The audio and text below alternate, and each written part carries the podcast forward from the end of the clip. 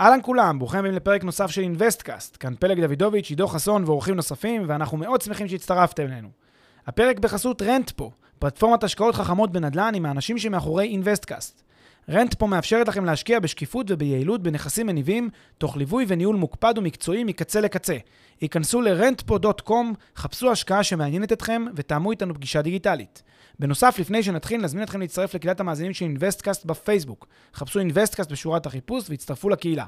ועכשיו לפרק נוסף של אינוויסטקאסט.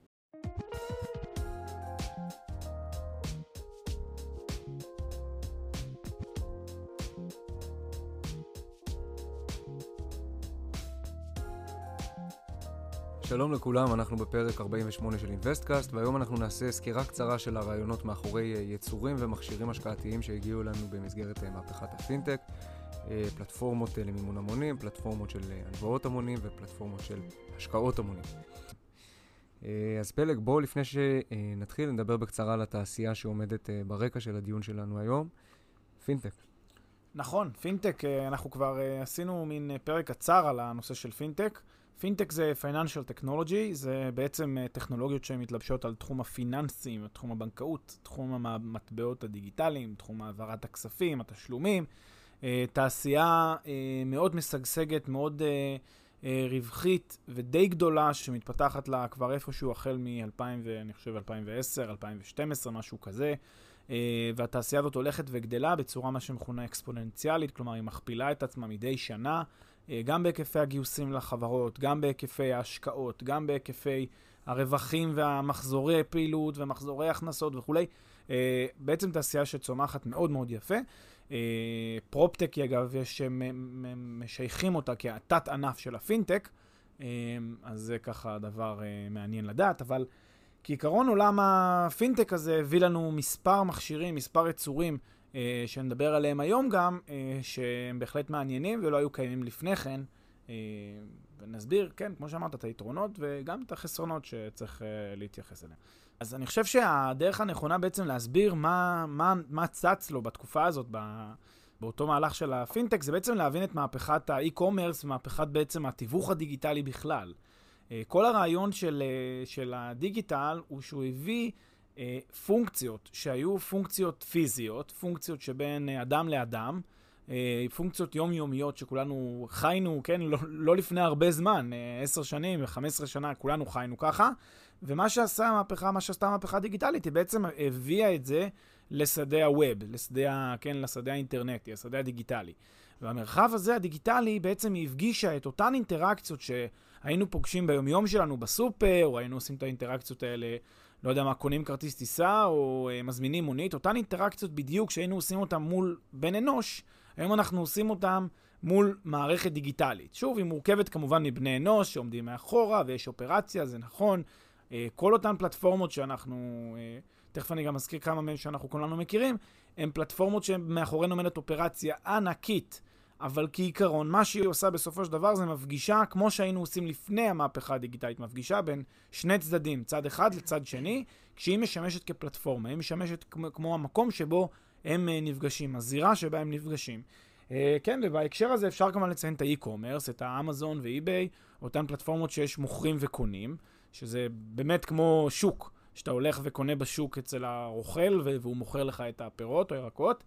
אה, כמובן, אה, אפשר לדבר על אה, פלטפורמות של אפילו פייסבוק, פלטפורמה שמתווכת בין אנשים, פלטפורמות networking כאלה. היה מאז ומעולם networking, היו מאז ומעולם דרכים לתקשר עם אנשים, כנסים, אולמות גדולים. היום זה נעשה פשוט במרחב הדיגיטלי, וזה אותו דבר, רק, רק שזה נעשה אונליין.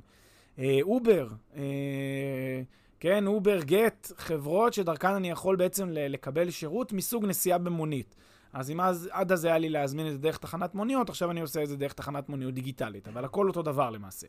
אקספידיה, בוקינג, כל אותם טריפ אה, אדוויזור, כל אותם מכשירים שדרכם אני יכול להזמין כרטיסי טיסה או להזמין אה, נסיעות בחו"ל, כל הדברים האלה זה בסוף פלטפורמות עם אופרציה ענקית, אבל הן עושות בעצם חיבור תיווכי כזה בין צד אחד לצד שני, כשאין הפלטפורמה שמגשרת. זה גם המבוא בעצם לאותו ענף הזה שאנחנו יכולים לדבר עליו היום, של אותם המונים כזה, אותם uh, פלטפורמות המונים ש...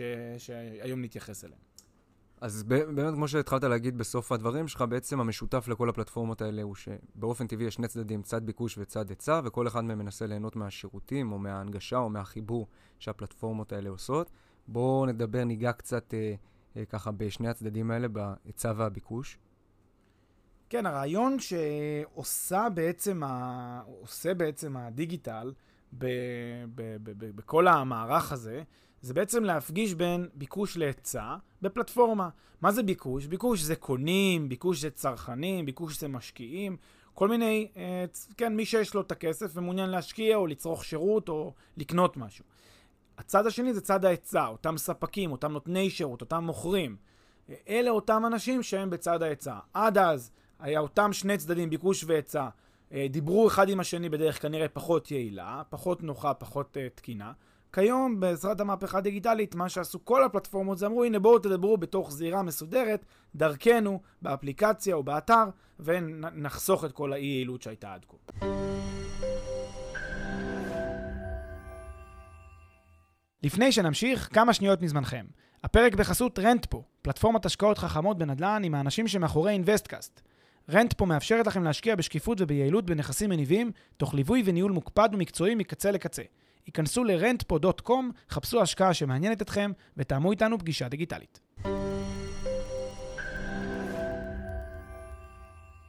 אוקיי, okay, אז בואו נחזור לשביל הראשי ונדבר uh, באופן uh, ספציפי יותר על מימון המונים, הלוואות המונים, השקעות המונים ב, uh, בהקשר של מה שדיברת עליו, uh, כן, ב, בתוך התעשייה הזאת של הפינטק, בתוך התעשייה הזאת של פלטפורמות שמפגישות בין היצע לביקוש. Uh, בואו נתחיל מהרמה הכללית. אז ברמה הכללית צריך להגיד שיש הבדלים עצומים, עצומים, בין מימון המונים להלוואות המונים, שזה בעצם הלוואות חברתיות נקרא, ותכף נסביר שזה שם קצת לא נכון לזה, לבין השקעות המונים. אלה שלושה ענפים לגמרי שונים בתכלית האחד מהשני, אנחנו כורכים אותם ביחד רק בגלל שהמילה המונים מופיעה בשלושתם. אבל פרט לזה הם כמעט ולא דומים, הם כולם שייכים לתחום הפינטק זו. אבל חוץ מזה הם שונים לחלוטין. בקצרה, כדי לתת רק את הרקע הכללי, ואחר כך נצלול כמובן לכל אחד מהתחומים האלה בנפרד. מימון המונים עוסק בגדול, בתרומות. הביקוש וההיצע פה זה ביקוש, זה התורם, זה, הנתר, זה, זה התורם, כן? אותו בן אדם שיש לו כסף מעוניין לתרום לאיזשהו מיזם, איזשהו רעיון, איזשהו מוצר, והצד השני שזה צד הנתרם. אה, אז אלה שני הצדדים, הביקוש וההיצע. הלוואות המונים, אלה הלוואות אה, למטרות השקעה בעצם. כאן אה, שני הצדדים, יש לי צד אחד שזה צד הביקוש, זה אותם אה, אנשים שיש להם כסף, ומה מה הוא, מה, מה הם רוצים לעשות? הם רוצים להשקיע אותו. מבחינתם הביקוש זה, הם מחפשים אפיקי השקעה להשקיע בהם. הצד השני, צד ההיצע, אותם אפיקי השקעה. מה זה אפיקי השקעה? אלה הלווים. עכשיו, המשקיעים הם משקיעים על דרך של הלוואה. זה השקעה שהיא הלוואה. הצד השני, צד הלווים, זה צד ההיצע. הצד שמעוניין ש, אה, להציע לאנשים השקעה. אז זה בעצם שני הצדדים כאן בהלוואות המונים. הצד השליש, האפשרות השלישית זאת השקעות המונים. גם כאן יש ביקוש והיצע. הביקוש זה אותם משקיעים, אותם אנשים שמחפשים להיכנס להשקעה באיזשהו ונצ'ר, באיזושהי חברה, באיזשהו מיזם. הצד השני, צד ההיצע, זה הצד של החברות, היזמים, המיזמים, זה הצד של ההיצע. אז זה בגדול השלושה סוגים תחת ההבדל בין אה, אה, ביקוש להיצע בהקשר הזה. אוקיי, אז בואו ניכנס יותר לעומק, נתחיל במימון המונים. אוקיי, מאה אחוז. אז uh, מימון המונים, שזהו בעצם האפיק הראשון שתיארנו קודם, זה אפיק שכאמור עוסק בתרומות, uh, תרומות שהן לא למטרת רווח לכאורה. תכף נסביר למה לכאורה, למה זה לא הכי מדויק, אבל בכל מקרה זה הרעיון. הרעיון הוא תרומות. כאשר כאן צריך לשים לב שיש בעצם מאחורי הנושא מימון המונים מספר מטרות. אה, כשהמטרות המרכזיות שאנחנו רואים אותן בפלטפורמות מימון המונים זה מטרות חברתיות כאלה.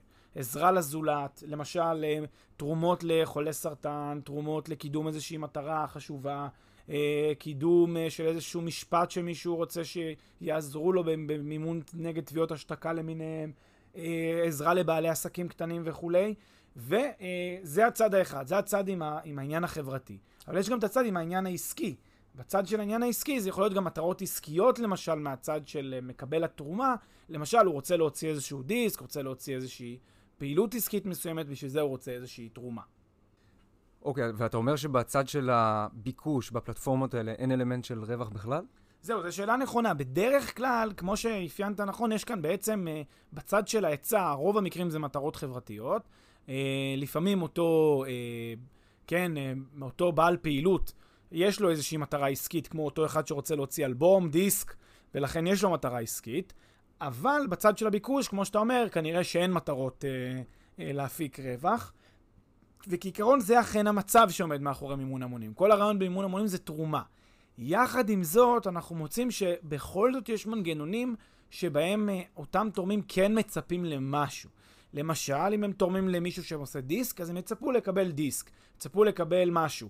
בן אדם uh, רוצה לתרום לאיזושהי uh, עמותה או לאיזושהי, אז נותנים לו חולצה בתמורה, או נותנים לו איזשהו, uh, לא יודע מה, איזשהו uh, דגל uh, שהוא יכול לתלות בבית. כל אחד מקבל איזשהו מוצר כתמורה לתרומה שהוא העניק. אבל יש איזושהי נקודה שהיא דווקא נקודה אה, מאוד מעניינת שקשורה ל, ל, כן, לתפיסת העולם או למצב הנפשי של התורם, שאפשר ללמוד עליה אפילו ממקרה של תביעה שהיה כאן בארץ, שאיזשהו אה, עורך דין תבע, נדמה לי שזה העורך דין שהוא תבע חברה למימון המונים בארץ, אה, כשמישהו תרם לה כסף דרך מימון המונים, אה, נכשל ב, ב, בהוצאה של אלבום. הוא ניסה להוציא איזשהו אלבום, וה, וה, והריוורד למי שתורם היה, אני אתן לכם דיסק ברגע שהאלבום הזה יצא. יכול להיות שאני טועה בעובדות, אבל, אבל זה בגדול הרעיון. הוא אמר, אה, אני אתן לכם דיסק, ב, ב, אם הדיסק הזה, אם אני אצליח להשלים את, ה, את ההקלטה, אני אשלח לכם אה, דיסק כתודה על זה שתרמתם לי. שוב, מהצד של אותו תורם, לכאורה אין כאן מטרת רווח, כמו שאתה שואל, אבל הוא עדיין כאילו מצפה לדיסק. ואז אותו, אה, אותו תובע, אותו, לדעתי זה העורך דין שתבע, אמר, רגע, אני באתי וניסיתי אה, להשקיע באותו אה, אומן, ניסיתי לצפות לקבל דיסק במתנה על חשבון התרומה שלי, והיה לי פה אלמנט של השקעה, ואם הוא נכשל ולא הצליח, אז אה, נא שיפצה אותי, כי אני נפגעתי מזה שהבטחתם לי דיסק ולא קיבלתי. התביעה היא נדחתה. אה, למיטב הבנתי, מהסיבה שלא ראו בזה כאפיק השקעה. לי זה צועק לשמיים, בוא נגיד, אה, אני, אני לא רוצה להיצמד לעובדות של אותו מקרה, לי זה צועק לשמיים, לפחות בנקודה הזאת, שאין שום, שום, שום מילה של מי שתורם לאיזשהו עסק על דרך של תרומה במימון המונים, אין שום מילה בעולם, לדעתי לפחות, לבקש איזשהו פיצוי, אלא אם כן נקבע בחוזה, מה שאני לא רואה קורה, הבטחה שהם מתחייבים לתת לך את הדיסק בהכרח, בין אם יצליחו בין אם לא יצליחו. לכן אני הייתי לא, לא בכלל דן במקרים כאלה, אומר שזה בכלל לא רלוונטי, זה, זה, זה, זה, אפילו חצוף במובן מסוים לדעתי, שוב, מבלי להתייחס למקרה ההוא, כי אני לא מכיר את העובדות לעומק. אבל הנקודה היא שלפחות מהפוזיציה של התורם, ההסתכלות על זה היא הסתכלות של באמת תרומה, לא למטרות השקעה, אם יש איזושהי אה, תועלת מסוימת שאומרים לך שאתה יכול לצפות לזה, אם הכל יצליח כמו שצריך, תקבל מאיתנו חולצה, תקבל דגל, תקבל דיסק, וזה פחות או יותר הפיצוי שאתה תקבל אותו. אבל מעבר לזה, לא רואה בזה כאיזשהו אה, מכשיר השקעה מכל סוג. ובכל זאת, מה המנגנון אה, של הפלטפורמות האלה בתגמול? של הצד של הביקוש, זה הולם, אה, אתה יודע, תמיד התגמול הוא אחד לאחד לגובה התרומה, או שכולם מקבלים אותו דבר, מה המנגנון? יש, uh, בתוך האתר הזה יש uh, כל מיני, יש מעין תפריט כזה של כל ה... ה, ה כן, ההטבות שאתה יכול לקבל כתלות בגובה התרומה שהענקת. אם הענקת 100 שקל תקבל ככה, אם הענקת 200 תקבל ככה. בסוף אם אתה מעניק 500 אה, שקל, אתה תקבל, לא יודע מה, חולצה חתומה על ידי כל שחקני הכדורגל של קבוצה כלשהי, סתם דוגמה. ככל שאתה, כן, עולה בדירוג הזה, כמובן שזה זה, זה, שוב, זה לא אלמנט השקעתי כאמור, זה רק אלמנט כזה של ניתן לך משהו שהוא כמובן נמוך בשווי שלו מאשר שווי התרומה שלך, כדי לתת לך הערכה על זה שאתה תורם לנו. אז יש פה איזה שהן צורות תגמול, ו... בהחלט אה, זה מנגנון שקיים. ומה קורה לכל אחד מהצדדים אחרי השלב הזה של התרומה, לביקוש, להיצע, לפלטפורמה? מה, איפה כל אחד נמצא אחר כך? כל אחד הולך לדרכו. למעשה הנתרם, אותו גוף שקיבל את הכסף, יעשה עם זה כהבנתו, הוא יכול ללכת, אה, למשל, אם זה, יש הרבה מקרים שמממנים תביעות, אז עכשיו הוא הולך לנהל משפט על בסיס הכסף שהוא קיבל, הוא בדרך כלל יגיד תודה לכל התורמים וכולי, ויצא לדרכו. הצד, הצד של הביקוש, אותם תורמים, יכולים לעקוב אחרי מה שקורה, אולי יקבלו עדכונים אחרי מה שקורה, אבל הם למעשה יוצאים מהתמונה, אין להם שום זכות רלוונטית בהקשר הזה. יש את הצד השלישי, זה צד הפלטפורמה כמובן, אותו מתווך, שהוא מקבל את העמלה שלו יוצא מהסיפור. כן, היה סיפור כזה לאחרונה, או לא כל כך לאחרונה, עם אחד העיתונאים, והסיפור עם uh, ראש הממשלה וכולי, בדיוק מהסוג הזה, כן? כן, מ- זה- זה גייס תמיד- כסף uh, מהציבור באמצעות איזו פלטפורמה כזאת למימון המונים, כולם יצאו לדרכם אחר כך, אף אחד לא ביקש uh, תמורה לדבר הזה. כן, זה פייר פליי, כל עוד אתה יודע שזה תרומה, וכולם רואים את זה כתרומה, זה, זה בסדר גמור, אני לא חושב שיש בזה איזושהי בעיה. טוב, ומה הפלטפורמות עושות את זה, מה, אלטרואיזם? כמובן שלא, הפלטפורמה עושה, פלטפורמת הפינטק עושה את זה כדי להרוויח. יש לה גם אופרציה לנהל, כן? זה לא טריוויאלי, היא צריכה לנהל את האופרציה, היא צריכה שהאתר הזה יעבוד כמו שצריך. זה לא אתר מורכב טכנולוגית, כן? הרבה פעמים גם אומרים פינטק, אה, זה לא, אין פה פינטק אמיתי, אין פה טכנולוגיה מורכבת, אתה יודע, אלגוריתמים מורכבים שעושים פה עכשיו כל מיני אה, נוסחאות. זה בסך הכל אה, להפגיש בין, אה, בין שני, בין, בין קונים למוכרים, אין פה יותר מדי מורכבות טכנולוגית, אבל עדיין יש אופרציה לנהל, אה, ועל זה הם מקבלים שכר, ושכר טוב, וכולם אה, מרוצים. טוב, אז בואו נעבור להלוואות המונים, נדבר על הלוואות המונים.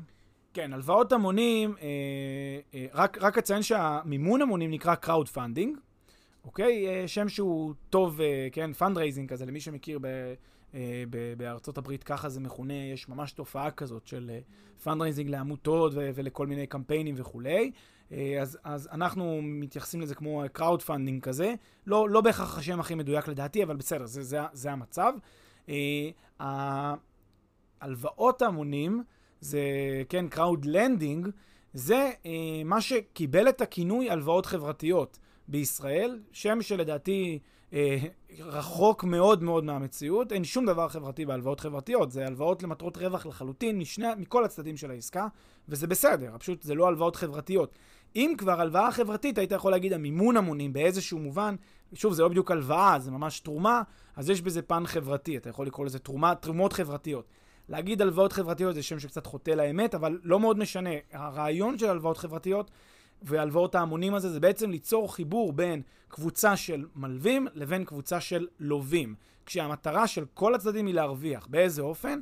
הצד אחד, צד של המלווים, עושה את זה למטרות השקעה בלבד, רוצה להפיק תשואה בדמות ריבית, הכנסות ריבית בעצם מההשקעה באותן קבוצה של הלווים. הלווים רוצים גם כן להרוויח, הם רוצים לקבל ריביות נמוכות יותר, תנאי מימון טובים יותר מאשר האלטרנטיבה שעומדת בפניהם.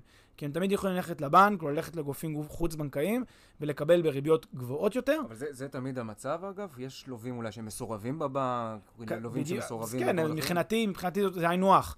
כלומר, אם הוא מסורב בבנק, אז הוא לא קיבל בכלל ריבית אחרת. אז ברור שהוא שיפר את מצבו אם הוא ילך ל-crowd lending, להלוואות ה- אה, ההמונים האלה, לפלטפורמות האלה, ברור. הרעיון הוא שיש כאן ווין ווין לשני הצדדים. גם הצד של המלווים משפר את מצבו, כי הוא משקיע עכשיו באפיק השקעה שלא היה ביכולתו להשקיע בו, אה, ותכף נסביר למה, למה זה שקול. הצד השני, צד הלווים, בעצם יכול להשיג הלוואות בתנאי מימון שהוא לא יכול היה להשיג אותם אחרת. צד הפלטפורמה כמובן מרוויח, כי יש פה איזושהי אה, עסקה חיתומית כזאת שהוא סוגר בין קונים למוכרים, כן, קונה תיק לבין מוכרי התיק, שזה בעצם. ההיצע, שזה בעצם הלווים, והוא בעצם מקבל את העמלה שלו. אז בעצם יש פה עסקה שהיא ווין ווין ווין לכולם, כולם מבסוטים. אז זה בגדול הרעיון. בארצות הברית יש לומר, גם בהרבה מקומות בעולם, זה תעשיות ענק. בארץ שלנו זה עדיין, כן, קטנצ'י, קטנצ'י, כי גם התעשייה הזאת קטנטנה. תעשיית האשראי, אפילו שהיא מגלגלת מיליארדים, היא יחסית קטנה בהשוואה לעולם. בארצות הברית דובר על אימפריות של מיליארדים שנסחרות. Uh, מספר חברות uh, ציבוריות ענקיות שנסחרות בתחום הזה, uh, וזה בהחלט תעשייה מעניינת. אוקיי, okay, אז בואו נתחיל מהמנגנון שעליו כל הסיפור הזה מושתת. אחד, האם מתייחסים לכל הלווים באותו אופן? שתיים, האם מלווה יכול לתת הלוואה ללווה ספציפי או לקבוצה מוגדרת של לווים, או שהוא חייב לפזר בין כל הלווים בפלטפורמה? ושלוש, מי מנהל את הפלטפורמה? איך זה עובד? איך, איך המנגנון הזה נראה? איך מתייחסים ללווים, למלווים? כן, אז בואו נתחיל מנושא הדירוג. למעשה, מה שנכנס בתחום של הנושא של הלוואות המונים, יש כאן היבט אקטוארי מסוים בנושא של דירוג הלווים. בדרך כלל אתה תראה שבאלגוריתמים של פלטפורמות מימון ההמונים, לפחות הפלטפורמות הלוואות המונים, סליחה, הגדולות בעולם, אתה תראה שיש אלגוריתמים מורכבים שעל בסיסם ניתן דירוג ללווים לפי קבוצות של לווים, לפי קלאסים כאלה, רמות. כמו דירוג אשראי בעצם. הפלטפורמות האלה נעזרות גם בדירוג האשראי הספציפי של אותו לווה, גם בהיבטים נוספים, כן, ההשתכרות שלו, הנכסים שיש לו, היקף ההלוואה, המצב, המצב הספציפי שלו בחיים וכולי, הצהרות שהוא נותן. אה, כל הדברים האלה מרכיבים בסופו של דבר את אותו דירוג של הלווה, ואז מקבצים את הלווים בתיקים, תיקים של לפי קלאסים, לפי רמות של ה, רמות יכולות הפירעון של אותם לווים, ונותנים להם את הרנק, את הדירוג של כל לווה. אז זה השלב הראשון. השלב השני, אחרי שחילקנו אותם לקבוצות, אני יכול כמשקיע לרכוש תיק של לווים, אני גם יכול אגב לקנות אה, הלוואה ספציפית. שימו לב, יש כאן מאחורי המודל הזה את הרעיון שאמרנו אותו לא פעם באינבסטקאסט, הרעיון שהלוואות זה נכס, נכס שכיר, נכס שאפשר אה, לקנות אותו ושיש לו ערך. מה זה בסוף הלוואה? זה לקנות תזרים, לקנות תשואה.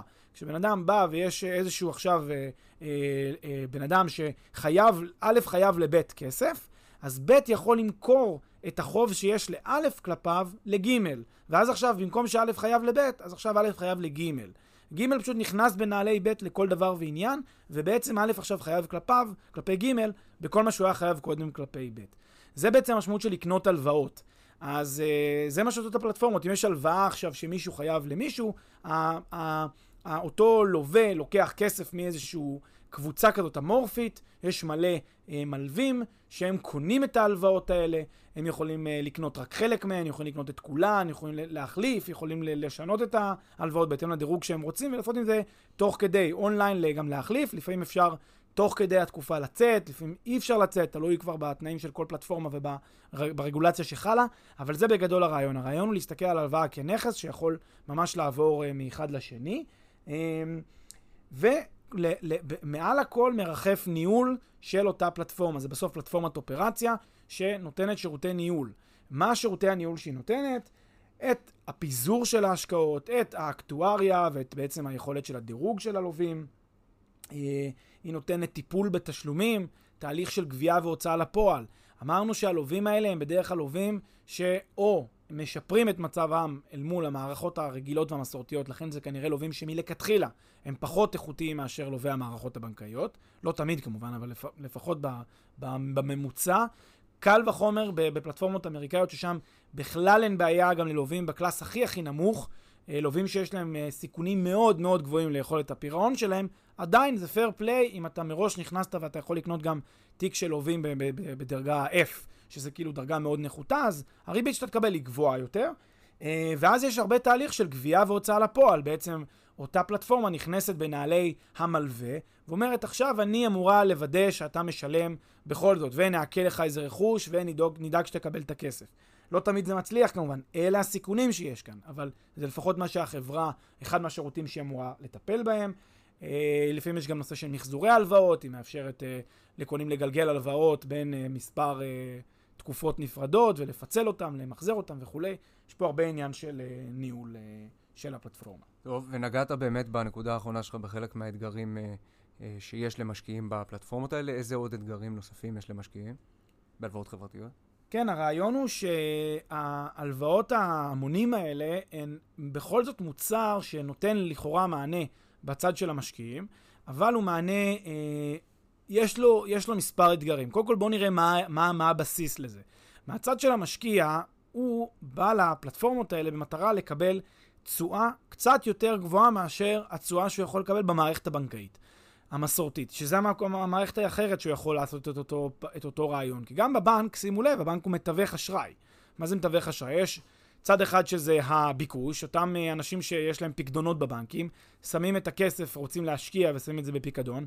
צד שני זה צד ההיצע, אותם לווים של הבנק, שבאים ואומרים, אני רוצה אה, לקבל כסף אה, מהבנק. אז עכשיו, אה, אותם, אה, אותם משקיעים בפקדונות של הבנק, בעצם משקיעים בבנק, הבנק מלווה למישהו אחר, ועכשיו הוא אמור להבטיח שהכל יתנהל כמו שצריך, שיהיה מרפא, מר, פער ארביטראז', פער ריביות כזה, שיאפשר אה, לכולם לקבל את חלקם בכל רגע נתון. שלא תהיה בעיה שיהיה איזה חדלות פירעון של הבנק. על זה הבנק גובה פער ריביות עצום, עצום. ופער הריביות העצום הזה לא רק הוא מושא לביקורת אה, בינלאומית, הוא גם אחד הדברים שעומדים בבסיס הפינטק. הפינטק בא ואומר, כל הדבר הזה, כל אלפי העובדים במערכת הבנקאית אה, בכל בנק, ועשרות אלפי עובדים במערכות הבנקאיות בכל העולם, פשוט לא נחוצים. בעולם שבו אפשר לעשות הכל בקליק ב- ב- באינטרנט, ושאלגוריתם יעשה את החישובים האלה. לא צריך את המערכת המשומנת היטב הזאת. וזה הרעיון, הרעיון הוא לצמצם את מרווחי הריביות, לאפשר מצד אחד לביקוש, למשקיעים, לקבל תשואות יותר גבוהות קצת מאשר המערכת הבנקאית כיום, ומהצד השני, לצד ההיצע, אה, בעצם אה, לקבל אשראי בתנאים קצת יותר טובים מאשר הוא מקבל אותם במערכת הבנקאית כיום. אבל אם הריביות יותר גבוהות, זה רק בגלל שהם מצליחים לייעל את המערכת, או שיש לזה סיבות נוספות? כמובן שבתנאי שוק חופשי, שבשוק האשראי זה שוק לחלוטין אה, אה, כן, השוק הדיגיטלי של האשראי היום הוא, אפשר להגיד שהוא שוק חופשי, כשיש הרבה מאוד אלטרנטיבות לקבל כסף, כי לא חסר כסף בשוק, אז באמת אה, פער הריביות הזה יש לו הצדקה כלכלית ברורה, כי שוב, זה אנשים שכנראה לא שרדו, לא הצליחו את המערכת הבנקאית לעבור, ולכן הם נאלצים אה, בעל כוחם לפנות לפלטפורמות הלוואות ההמונים. אולי בעתיד, כשכבר לא יהיה דבר כזה בנק, אז אה, לא רק, זה לא יהיה פלטפורמות, אה, אני לא חושב שזה יהיה פלטפורמות של הלוואות המונים, אבל יהיו פלטפורמות של בנקים דיגיטליים שיעשו את אותה הפגשה אה, בין קונים למוכרים של כסף, ויעשו את זה בצורה יותר יעילה. זה לא יהיה על דרך של תיקי הלוואות, כמו בפלטפורמה, הפלטפורמות של הלוואות המונים, זה יהיה ממש הרבה יותר פשוט, ממש אה, אה, אה, לקנות כסף, למכור כסף לפי כל מיני תנאים ברורים. זה גם אחד הדברים, אגב, שבבסיס המטבעות שרצ, שרצו לעשות, שלא יודע אם זה יצליח, אבל זה אחד הדברים שהם רצו להשיג. אז האתגר כיום הוא כאמור שאתה מנסה להשקיע ולהפיק תשואה גבוהה יותר, אבל בפועל אתה נתקל כיום עדיין בלווים שלא תמיד עומדים בהתחייבויות, לא יכולים לעמוד בהתחייבויות, זה לווים שלפעמים יש איתם דיפולטים וחדלויות פירעון, ואז יש תהליך של גבייה והוצאה לפועל, ואז בעצם אתה, ההלוואה שלך נשחקת, התשואה שלך נשחקת, ואז במקום לקבל את החמישה אחוז שציפית, אתה מסיים בסוף על שלושה, ארבעה אחוז, שזה כבר לא רחוק מהריבית הבנקאית, אז הרבה אנשים אומרים, טוב, אז בשביל מה כל הטרחה, אז נשים כבר באיזה אג"ח מדינה או משהו כזה. אמ, אז זה, זה, זה שיקול ראשון, בעיה ראשונה, אתגר ראשון שקיים בנושא הזה. אגב, בחו"ל יש לו פתרונות, בארץ אני לא כל כך מכיר, כי אני חושב ש... יש הרבה רגולציה בארץ שחונקת את האפשרויות האלה, אבל בחו"ל יש, אה, יש פייר פליי, כלומר, אתה יכול לקנות גם אה, אג"ח זבל כזה, לקנות ממש לווים מאוד מאוד גרועים, ואז אתה מקבל לכאורה תשואה של 15%, כן, ממודלת, תשואה מודל כזה של 15%, אז אחרי הרבה דיפולטים אתה תסיים על 8. אז, אז, אז צריך לקחת בחשבון זה שאין דרישות קדם כדי להיות לווה בפלטפורמות כאלה, כאילו כמעט. אתה יכול לקחת אה, הלוואה כדי לקנות רכב, אתה יכול לקחת הלוואה כדי לטוס לחו"ל. שים לב, המערכת הבנקאית או מערכות הכספים המסורתיות לא סתם דרשו אה, להבין מה מטרת ההלוואה. הם עשו את זה כי הם רצו להוזיל את ה... הם רצ... למה הם הוזילו את הריבית? למה הלוואה ללא... לכל מטרה אה, היא בריבית גבוהה, והלוואות שהן למטרות ספציפיות, קל וחומר משכנתה, היא בריבית נמוכה? כי הבנק יותר מוגן. זה לא סתם קרה האקטואריה הזאת, היא קרתה בגלל שכשאין מטרה, כשהלוואה כזאת היא לרכישה, לרכוש, לקנות לחו"ל, הלוואה למטרות צריכה, זה הלוואה מאוד מסוכנת, כן, מעצם הרעיון, כי אתה לא מגבה את, ה, את, הנכ, את ההלוואה הזאת באיזשהו נכס. אתה לא דואג למשהו, אפילו לא, לא, לא, לא, לא לקחת הלוואה כדי להקים עסק. ממש אתה הולך לצרוך, ממש אתה הולך לבזבז את הכסף הזה בבת אחת. אז זה הלוואות שהן יותר קשות לעיכול. ובפלטפורמות ההלוואות המונים על זה, זה בעצם מה שנשענות על הלוואות שהן לכל מטרה לחלוטין. אחד רוצה לקנות רכב, אחד רוצה לטוס לחו"ל, הוא יקבל את הכסף. אז זה אתגר ראשון שצריך להבין אותו. האתגר השני זה אה, באמת הנושא שאמרנו לגבי הדירוג של הלווים, והעובדה שבאמת הממוצע של הלווים, וזו הנקודה גם החשובה כאן, הממוצע של הלווים הם יהיו ממוצע של לווים שהם פחות איכותיים מהלווים הרגילים במערכות הבנקאיות הרגילות. Uh, הפלטפורמה מאוד צריכה לדייק באקטואריה שלה כדי לדעת בדיוק מה הריבית שצריכה לפצות אותך. Uh, בבנק אין את הצורך הזה, כי הבנק לא מבטיח לך תשואה שהוא לא יכול לעמוד בה, הוא נותן לך מראש תשואה, אתה יודע, מאוד נמוכה כזאת, שהוא יודע לה, להבטיח שהיא בוודאות תגיע אליך. לא יקרה מצב שכן, לא, לא אמור להיות תיאורטית מצב שהבנק לא יעמוד בהתחייבויות שלו, זה מאוד מאוד נדיר. בפלטפורמות האלה זה קורה המון. אז uh, זה דבר מאוד חשוב, זה דבר שאומר לך כמה האקטואריה צריכה להיות כאן מדויקת וכמה אין מרווחים מספיק גדולים לביטחון ולטעויות. Um, וזה בגדול הרעיון uh, שעומד מאחורי האתגרים. טוב, ונגעת קצת במהלך הדברים בפתרונות שהפלטפורמות האלה מציעות. Uh, מה, מה קורה שם? הגנות מסוימות, לא יודע, ביטוח, משהו? כן, אז בראש ובראשונה, הרעיון של הלוואות ההמונים זה הנושא של ההמונים, הנושא של הפיזור. ברגע שאני משקיע בתיק של uh, לווים, אז אני, בעצם יש לי פיזור אוטומטי, ואז אם, אפילו אם יש כמה שהיו להם דיפולט והם נכנסו להליכי גבייה והוצאה לפועל, יהיו אחרים שכנראה יעמדו בפירעון בזמן, ואז הממוצע יהיה בסדר, אמור להיות בסדר. כמובן שפיזור הוא לא מבטיח, אין לו ביטחון מלא. ותמיד בהשקעות, צריך לזכור, תמיד בעולם ההשקעות אין ביטחון מלא. אז uh, עושים את המרב שאתה יכול בתנאים שקיימים. Uh, הדבר הנוסף זה באמת אלגוריתמים שהולכים ומשתכללים. שוב, בפלטפורמות בחו"ל האלגוריתמים יותר טובים, יותר, uh, uh, uh, יותר, יותר מבוססים על ניסיון. ככל שהשוק שלך יותר גדול, המערכות האלה הן כבר uh, artificial intelligence כאלה, לומדות לבד, יודעות כבר להבין את כל המגבלות שצריך לדעת ולשקלל את זה כמו שצריך. השוק בישראל עדיין קצת קטן במובן הזה, וייקח לו עוד קצת זמן להגיע. אני מקווה שבקרוב, במהרה בימינו, מה שנקרא. והאפשרויות השלישית זה ממש אה, גידור וביטוח שאפשר לעשות לתוך, ה, לתוך הפלטפורמות האלה, מעין קרנות כאלה ביטחון שהן נותנות, שבסוף, מה זה, מה זה עושה? זה מין קרן כזאת שבה אתה מבטח את התיק שלך. אבל ככל שאתה תיצור עוד ביטחון ועוד ביטחון ועוד ביטחון, על מה תוותר? על התשואה, אז לאן תתקרב? בדיוק לבנק. זאת אומרת, תמיד יש את הדבר הזה שככל שאתה נותן יותר ביטחון, אז התשואה שלך תרד בהתאם. ואז אנשים, אתה יודע, בסוף ימצאו את עם שלושה אחוז תשואה, ויגידו, טוב, בשביל מה כבר שווה לי כל הטרחה הזאת ללכת לאיזה כזה מין, אה, עכשיו לחפש איזושהי חברה, מינה שאפשר לסמוך? אה, אני אשים כבר באג"ח במדינה ואני אקבל אותם שלושה אחוז, בלי כל הבלגן, ו- ו- ואני אצליח uh, לא פחות. טוב, אז בואו נעבור לדבר על uh, החלק השלישי של הפרק הזה, השקעות המונים, אני מזכיר, להבדיל ממימון המונים. להבדיל ממימון המונים, שזה crowd funding, השקעות המונים crowd investing, זה גם uh, תחום uh, שונה ו- ו- ודומה לכל מה שדיברנו עליו עד כה. Uh, ודווקא התעשייה הזאת של השקעות המונים, ש- שימו לב שגם הנושא שדיברנו עליו קודם, שזה הלוואות המונים, זה גם סוג של השקעות המונים. איזה סוג של השקעות? השקעות בתיקי הלוואות.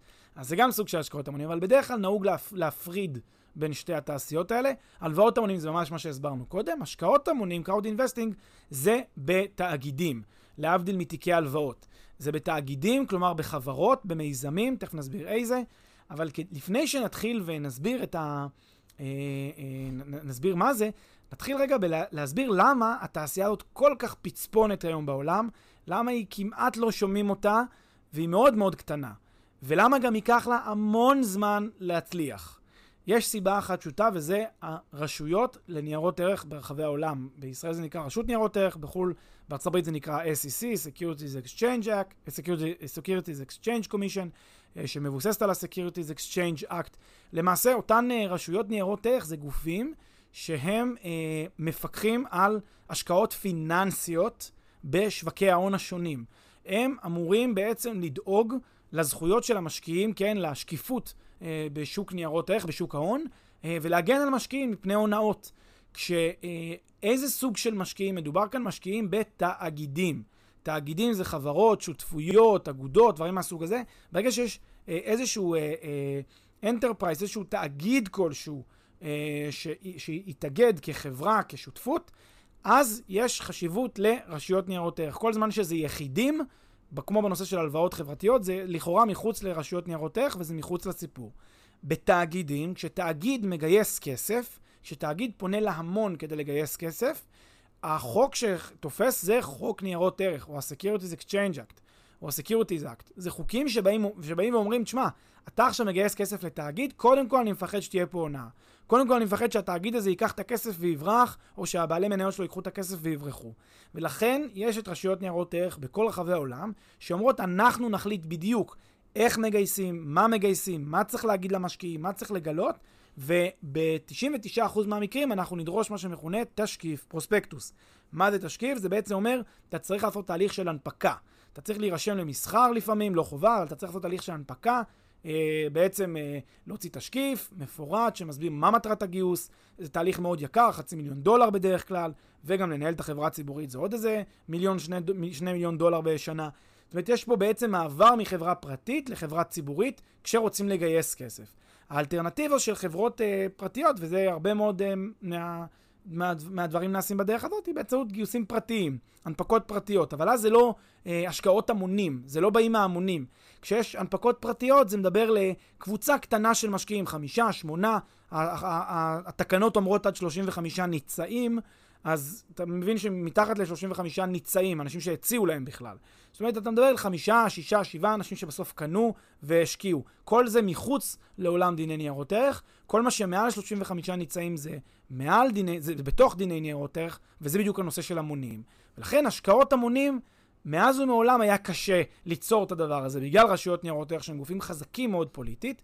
אה, אז הדבר הזה היה מאוד מאוד קשה, וזה בעצם יצר לשדה הזה של השקעות המונים אתגר בירוקרטי רגולטורי עצום. רק בשנה, שנתיים האחרונות, אה, או שלוש שנים האחרונות, מתחיל התהליך, הניצנים של אותו תהליך של מהפכת ההשקעות ההמונים, שהיא לדעתי רחוקה מאוד מאוד מאוד אה, מלקרות בגלל כל המגבלות הרגולטוריות.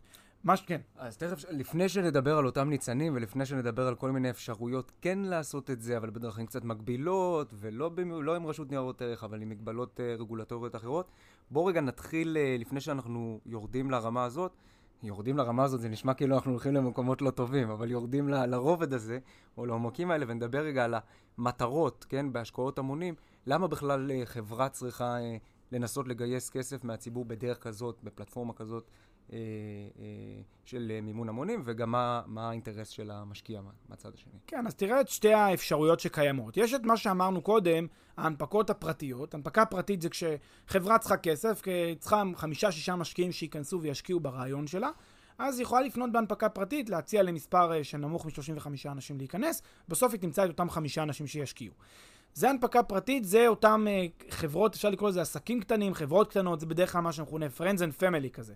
הצעתי למספר קטן של מקורבים, ובסוף חלק השקיעו. האפשרות השנייה זה הנפקות גדולות. הנפקות גדולות זה מה שאנחנו קוראים בעיתון, החברות הציבוריות הגדולות, אלה שכבר עברו תהליך של לפעמים רישום למסחר בבורסה, ובעצם הנפיקו לפי תשקיף. תהליך מאוד מאוד יקר, שפונה להמונים, אבל הוא פונה בבורסה. הוא פונה בדרך הרבה הרבה יותר רגולטורית, ומה שנקרא מסודרת ומתוש... ומנוהלת לפי תשקיף. אמ, מה, מה חסר? חסר את כל שכבת הביניים. זה יצר את תזת שכבת הביניים הזאת, כן? את אותם כל העסקים הבינוניים, שהיום הדרך עבורם חסומה לגייס כסף. כי מצד אחד, הם לא אה, אה, גדולים מספיק שזה מצדיק תשקיפים וללכת לכיוון של חברה ציבורית, ומצד שני הם גם לא קטנים מספיק כדי שהם יוכלו להסתפק בהנפקה פרטית. אז הם איפשהו באמצע, הם צריכים 10 מיליון שקל, 15 מיליון שקל, 30 מיליון שקל, סכומים שלא מצדיקים עדיין הליכה לגיוס של חברה ציבורית. אותם אה, level, אותו level ביניים של חבר... של... שזה למעשה רוב החברות שקיימות, הם היום נמצאים ללא פתרון. אז הם צריכים איכשהו לה, להתגבר על זה. זה יצר את הצורך של התעשייה הזאת של השקעות ההמונים למין שכבת ביניים כזאת. Uh, תכף נראה שזה לא באמת פתר את הבעיה, וזה גם למה אנחנו רואים שזה רחוק מפתרון, אבל uh, זה, זה הצורך, משם זה הגיע אותו רעיון. Uh, וגם צריך לקחת בחשבון מה, מה, מה, מה הרצון שלהם. הרי תמיד חברה יכולה ללכת ולגייס כסף, כמו שאמרנו קודם, בהלוואות, או, ב, או בכל מיני השקעות של גופים חוץ-בנקאיים, או אפילו בבנקים. אבל זה יקר. לא תמיד זה יקר, לא תמיד זה משתלם. אנחנו מכירים את זה המון בנושא של קרנות השקעה ומיזמים. כל הנושא הזה של ריביות uh, שדורשים גופים uh, חוץ-בנקאיים בדרך כלל יהיו יותר יקרות מאשר ללכת להמונים הלא מתוחכמים, שלא מבינים כל כך, ואז הם משקיעים ונותנים לך את זה פרקטיקלי בחינם, בהשוואה לרמות הסיכון. אז אנחנו מבינים שיש תמריץ לאותן חברות להוזיל את עלויות האשראי שלהם, את עלויות המימון שלהם. והם צריכים את האפשרות, את אפשרות הביניים הזאת, שתינתן להם. אז הם היו עושים את אותם, אה, אז, אז חלק כן ניסו לעשות גיוסים כאלה, פונים להמונים, וניסו ככה מתחת לרדאר לעבור, עד שרשויות ניירות ערך אמרו, סטופ חברים, לא יקרה. השקעות המונים זה או בשכבה הגדולה שאמרנו בהנפקה, או בהנפקות פרטיות, ה-level ביניים לא יכול לקרות בלאו הכי. אז באמת, אומר חוקי ניירות ערך והחובות שהוא מטיל אה, מצד אחד, אה, כן, לא מאפשרות לחברות לפנות ליותר מ-35 ניצעים בבקשה לקבל מהם אה, כסף לכניסה ב equity או בכל דרך אחרת. אה, מה בכל זאת, איזה רגולציה בכל זאת מתחילה ככה להתעורר ולאפשר בתנאים מקבילים לחברות מהסוג הזה לנסות לגייס כסף מהציבור הרחב בלי תשקיף?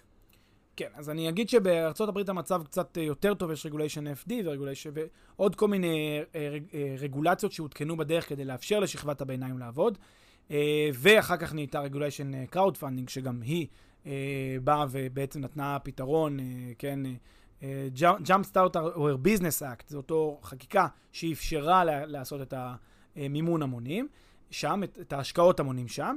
בישראל, אה, רק בסוף 2017 נכנסה לתוקף אה, חקיקה שמכונה תקנות רכז הצעה, על בסיס שינוי חוק ניירות ערך שאפשר, שכינה את המונח אה, רכז הצעה בסעיף 15 לחוק ניירות ערך, ושם בעצם אמרו, אם אתה עושה אה, אה, השקעות המונים, פונה לציבור הרחב, בדרך של רכז הצעה, שקיבל רישיון להיות רכז הצעה מאת רשות ניירות ערך, אז אתה יכול לעשות את הפנייה להמונים הזאת. אבל כשאתה פותח את התקנות אתה מבין את הבעיה שיש בה, בעצם במגבלות הקשות שיש בתחום הזה. אז המגבלות הן למשל בהיקף הגיוסים שאפשר. זוכר שאמרנו קודם, מהי מה שכבת הביניים? הם צריכים 20 מיליון, 30 מיליון, 40 מיליון שקל, לא מצדיק ללכת לבורסה. אותן חברות לא קיבלו את הפתרון היום, לפי תקנות רכז הצעה, כי תקנות רכז הצעה מגבילות גיוסים עד ל-4 מיליון, במקרים מסוימים גם 5 ו-6 מיליון, אבל זה ייצר ב-6 מיליון אה, הכי גבוה בשלב הזה. זאת אומרת, חברה יכולה לגייס היום, לפי תקנות רכז הצעה, עד אה, 6 מיליון שקל. אה, מהצד השני, מהצד של הביקוש, המשקיעים יכולים בעצם להשקיע עד 20 אלף ש"ח בשנה בכל פלטפורמות, בכל פלטפורמות השקעות ההמונים. כלומר, 20 אלף שקל בשנה. רוב המשקיעים כשהם מחפשים, יש להם 200 אלף שקל, 300 אלף שקל, זה לגמרי, זה עושה להם אקסקלוד לחלוטין. זה לא רלוונטי להם. אה, כשיש להם 300-400 אלף שקל, הם לא יכולים להשקיע בפלטפורמות אה, השקעות המונים, זה סכומים קטנים מדי ולא אטרקטיביים. אה, ולכן התחום הזה הוא היום כזה מסוג של, אפשר להגיד מישמש כזה, לא, לא פה ולא פה, לא כל כך פתר את הבעיה, לא לחברות יותר מדי, ולא למשקיעים יותר מדי. מה שהוא עשה, הוא כן נתן מענה לצורך מאוד מאוד ספציפי וקטן, אה, שבאמת מת, מתכתב עם ה-Jump Start Our Business Act בארצות הברית, שזה לחברות הסטארט-אפ. אה, חברות סטארט-אפ שצריכות סכומי גיוסים קטנים בשלב הסיד, כן, גיוס של חצי מיליון שקל, מיליון שקל, דברים מהסוג הזה, להם זה מתאים. כן, אותם, אה, ת, תקבץ 100 אנשים שכל אחד נותן 5,000 שקל, תוכל לארגן את הסכום שאתה צריך. אה, את אותם 500 אלף שקל שאתה צריך כדי לגייס. אה, אז עבורם זה בהחלט יצא איזשהו אפיק קטנצ'י כזה שאתה יכול להשתמש בו. האפיק הזה, יש, אבל יש לו גם הרבה מאוד אתגרים כמובן, ש... שאולי כדאי גם אליהם להיכנס. ותגיד, לפני האתגרים האלה, מה לגבי, אה, אולי זה קצת משפטיזציה, אבל משקיעים כשירים, משקיעים לא כשירים, יש איזו התייחסות מהם, אפשר לגייס אולי סכומים יותר גבוהים, פחות מגבלות? כן, הנושא של משקיעים כשירים לא נגענו בו בכלל, אבל uh, משקיעים כשירים, אנחנו מחריגים אותם מנושא של uh, המונים. Uh, אולי, אולי תגיד כמה מילים גם כן, מה זה. כן, יש, יש uh, הגדרה uh, credited, uh, credited investor, סליחה, uh, וכל uh, מיני סוגים של משקיעים ש... החוק רואה אותם ככאלה שהם יותר מתוחכמים, בגלל שיש להם הון יחסית גדול, נדמה לי שיש להם אה, הון של 8 מיליון שקל או משהו כזה, ו-2 מיליון אה, שקל הכנסות בשנה, אם אני לא טועה, יש כל מיני מספרים שכתובים בתקנות אה, ניירות ערך, וזה בעצם משקיעים כשירים, שהחוק אומר, שמע, אתה אפשר להציע גם לאלף משקיעים כשירים, וזה לא ייחשב המונים. כי הם שחקנים מתוחכמים, הם מבינים טוב מאוד. אגב, מה, מה עושה, מה הרעיון של משקיעים כשירים? אם אתה שחקן חזק, עם הרבה כסף, אז אתה גם יודע להבין מתי, אה, מתי אתה יודע, מתי אה, אה, עושים עליך פה איזשהו סיבוב באמצעות גיוס כזה, סתם כדי לנפח את השווי של החברה, או סתם כדי להכניס אותך למיזם מסוכן. אתה לא תיכנס למיזמים מסוכנים כשהתשואה לא מפצה אותך בהתאם. לכן משקיעים כשירים מבינים הרבה יותר טוב את התעשיות, הרבה יותר טוב מבינים את הביזנס שעומד מאחורי הגיוס, ולכן הרבה יותר קשה לעבוד עליהם. משקיעים קטנים, אותם משקיעים באמת שצריכים את ההגנה הזאת של רשות ניירות ערך לפעמים, הם אותם משקיעים שנחשבים המונים לצורך ההגדרה של ה-35 בתקנות. טוב, אז עכשיו אני, אני חוזר לה, לאתגרים שהתחלת לדבר עליהם. אז באמת האתגרים, אני חושב, הגדולים של הנישה הקטנה הזאת של הסטארט-אפים, של הגיוסים הבודדים, זה, זה שים לב הרי מה יש כאן. יש כאן בסוף אתה פונה לאיזה 100 איש, כל אחד שם 5,000 שקל, הרצון שלו, הזיקה שלו לאותה חברה מאוד מאוד קטנה, והחברה יש לה עניין מאוד חזק שזה יצליח, לכן היא, היא הולכת ומגייסת את הכסף הזה דרך הפלטפורמות אה, השקעות המונים. בדרך כלל זה חברות שגם מתקשות לקבל אולי לפעמים מימון מ... אה, כן, מאנג'לים, או שהתנאים שהם מקבלים לא מספיק אה, מוצאים חן ביניהם, לכן הם הולכים לפלטפורמות אה, השקעות ההמונים. לא תמיד כמובן זה המצב, לפעמים זה המצב. ומה שזה עשוי ליצור, זה עשוי ליצור מין מצב שדומה, אתה יודע, לתיאוריית הבחירה הציבורית, כן? מצב שבו בן אדם יש לו אה, עניין נמוך בהצלחה של ה... זה כל אחד שם 5,000 שקל, יש לו עניין נמוך יחסית בהצלחה של, ה, של החברה, כן, בכל זאת. והחברה עצמה רוצה את הרבה כסף שיתקבל מכל ההמון הזה. לכן יש לה אינסנטיב חזק מאוד שזה לקבל את הכסף ולקבל את הגיוס, ומה שזה יוצר, זה לפעמים, לפעמים זה יוצר ניפוח של שווי החברה. היא מגייסת במחירים שהם uh, הרבה הרבה יותר יקרים מאשר השווי שלה, אם אתה לוקח, נגיד היא גייסה עכשיו 10% באמצעות uh, פלטפורמות כאלה, של השקעות המונים, והיא הכניסה לקופה שלה 500 אלף שקל באותם 10%, היא שווה 5 מיליון שקל. יכול להיות שהחברה הזאת לא שווה גם 2 מיליון שקל. שהשווי שלה הוא נופח, בגלל שפשוט לכל אחד מהמשקיעים הבודדים אין עכשיו עניין להתחיל לבדוק, ללמוד בשביל ה-5,000 שקל שהוא שם. לכן אתה מקבל כאן מין שווי שיכול להיות לפעמים מנופח, וזה סיכון אה, בעייתי ראשון. כן, אולי, אולי בגלל זה הרכב, הרגולציה הזאת של רכז הצעה קצת מצמצמת את האתגר הזה, מצמצמת את הבעיה הזאת, כי אם אתה יכול ממילא לגייס עד היקפים של 6 או 8 מיליון שקל, אז נכון, אתה יכול להיות מנופח, אבל לא מנופח עד כדי שיגעון, כן? אה, נכון, רכז הצעה, גם, גם צריך לזכור, רשות ניירות ערך אה, בכלל. לא אמורה להתעסק בתפקיד של איכות ההשקעה ובנכונות הכלכלית שלה. רשות ניירות ערך עוסקת בגילוי. לכן גם רכז הצעה, מה שהוא מחויב לעשות זה לתת לך מידע על החברה, ואתה תעשה את הקלקולציה שלך. אבל מה אומרת תיאוריית הבחירה הציבורית, נגיד, אם הייתי מיישם אותה בהקשר הזה? אתה משקיע 5,000 שקל, ואתה הולך עכשיו לאיזה חברה שמתעסקת לא בייצור, שזה תרופה. אתה לא תתחיל ללמוד עכשיו את כל הרגולציות של 5,000 שקל השקעה שלך. אתה אומר, אם היא תהיה שווה עוד שנה פי 5, עשיתי 25,000 שקל. יופי. אתה לא יותר מדי משקיע על השווי, סופר על השקל לשקל. לכן, יש פה איזושהי בעיה מסוימת שיש לך אדישות רציונלית כזאת, שגורמת לך בעצם לגרום לתמחור יתר של החברה הזאת, לא פעם. אה, והדבר השני, ואני חושב שזה יהיה הרבה יותר מאתגר, זה דווקא, או האתגר השני היותר מהותי כאן, זה בנושא של הסיכויים שזה יצליח. אנשים משקיעים כדי להרוויח. אבל בסוף זה סטארט-אפים, כן? זה נישה צרה של סטארט-אפים. סטארט-אפים מטבעם, זה סטארט-אפים שהסיכוי של הצלחה שלהם הוא לא גבוה, הוא 1 ל-100, 5 ל-100, you name it, אבל סיכוי נמוך יחסית. זאת אומרת, מה שיקרה, סטארט-אפים יתחילו להיכשל ולא להצליח בפלטפורמות האלה, ואז ייווצר לפלטפורמות כאלה מין שם כזה של מה, מה את מתווכת לי סטארט-אפים כושלים. צריך לזכור, ה-credited investors האלה, המשקיעים הכשירים, אחד הדברים שמאפיינים אותם, למה הם, למה הם גם נחשבים, הם יודעים להפסיד. הם יודעים שהשקעות הן מסוכנות, הם יודעים שחלק מההשקעות לא יצליחו, והם לוקחים את הסיכון, לכן עבורם לא צריך את התשקיף. אבל למשקיעים פרטיים קטנים, שמבחינתם זה עוד 5,000, עוד 10,000, זה כבר כסף, אז הם מאוד רגישים לזה, הם פתאום יהיו, אה, הם יגידו, מה, איך יכול להיות שלא הצלחתם? הרי אמרתם שזה המוצר הכי, הכי חשוב, הכי טוב בעולם, למה זה לא הצליח? אז כאן יש חיסרון מובנה שיהיו דיפולטים ולא מעט כאלה, יהיו כשלים במערכת הזאת שצריך לראות, הימים יגידו, אבל עוד כמה שנים אנחנו נגלה בדיוק לאן זה ילך. ולא מן הנמנע שאנשים יגישו תביעות, בעיניי לא מוצדקות, אבל יגישו תביעות נגד החברות. אוקיי, okay, ואנחנו קצת יותר, אתה יודע, בעולם של הנדל"ן וכולי, אתה אומר היום, אה, זה בעיקר אה, רלוונטי, כל הסיפור הזה של רכז הצעה לסטארט-אפים, לגיוסים אה, מוקדמים, לזה, איך מיזם נדל"ן יכול לא, להיכנס... לא, לא, בדיוק, אז... הוא, לא, הוא לא יכול להתקרב.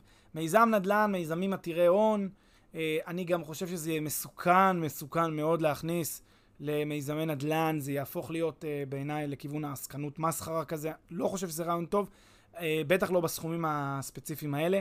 מיזמי נדל"ן צריכים equity גדולים, 10, 15, 20 מיליון שקל בשביל להתחיל בכלל. פה מדובר על אה, גיוסים לחברה של 2, 3 מיליון, 4 מיליון שקל, זה לא מספיק, זה אולי מיזם מאוד מאוד קטנטן כזה, ואז אם זה מיזם קטנטן לא צריך את ההמונים, לך ל... לך תרכז כמה משקיעים פרטיים. אבל מה קורה אם נגיד אה, מיזם נדל"ן הולך, מגייס מהבנק כסף, ואחר כך בשביל ה mezz הוא הולך להביא עוד את השישה, לא, שמונה. ה mezz בדרך כלל הוא עשרה, חמש עשרה, עשרים מיליון שקל. תחשוב, מיזם נדל"ן סטנדרטי, כן? זה שמונים, מאה מיליון שקל, זה מיזם נדל"ן סטנדרטי. תחשוב, בניין בתל אביב. כן. זה פחות או השווי שלו. אז כן. כדי לגייס את המז, אתה צריך את העשרה, חמש עשרה, עשרים מיליון. אז אולי רק למיזמי נדל"ן, שממילא היקף הגיוס שלהם קטן, והביאו כסף מהבנק, אז במזנין אתה יכול לגייס דרך ההשקעות המונים כן, האלה, ואני... אולי דרך הרכז הצעה. וגם אתה צריך המון המון משקיעים, כי יש את המגבלה, לפחות בארץ, של ה-20,000 שקל ממשקיע. בדיוק, ואני חושב שזה לא כיוון נכון, לא מתאים בתחום הנדל"ן שהוא עמוס לאיפה בבעיות, אה, בטח בתחום הזה של ההקרנות והגיוסים האלה המסובכים והמסוכנים, שהרבה אנשים לא מבינים אותם, זה לא ייגמר טוב, לכן אני חושב שזה לא כיוון נכון ללכת אליו. יפה, טוב, אז uh, פרק מעניין, שלושה, ככה, שלוש, uh, שלושה דברים שקורים להם השמות שלהם קצת דומים בגלל האלמנט הזה של ההמונים, אבל למעשה הם שונים מאוד במהותם, וכל אחד הוא עולם, אה, עולם שלם בפני עצמו. אה, היה מעניין. תודה, עידו. תודה.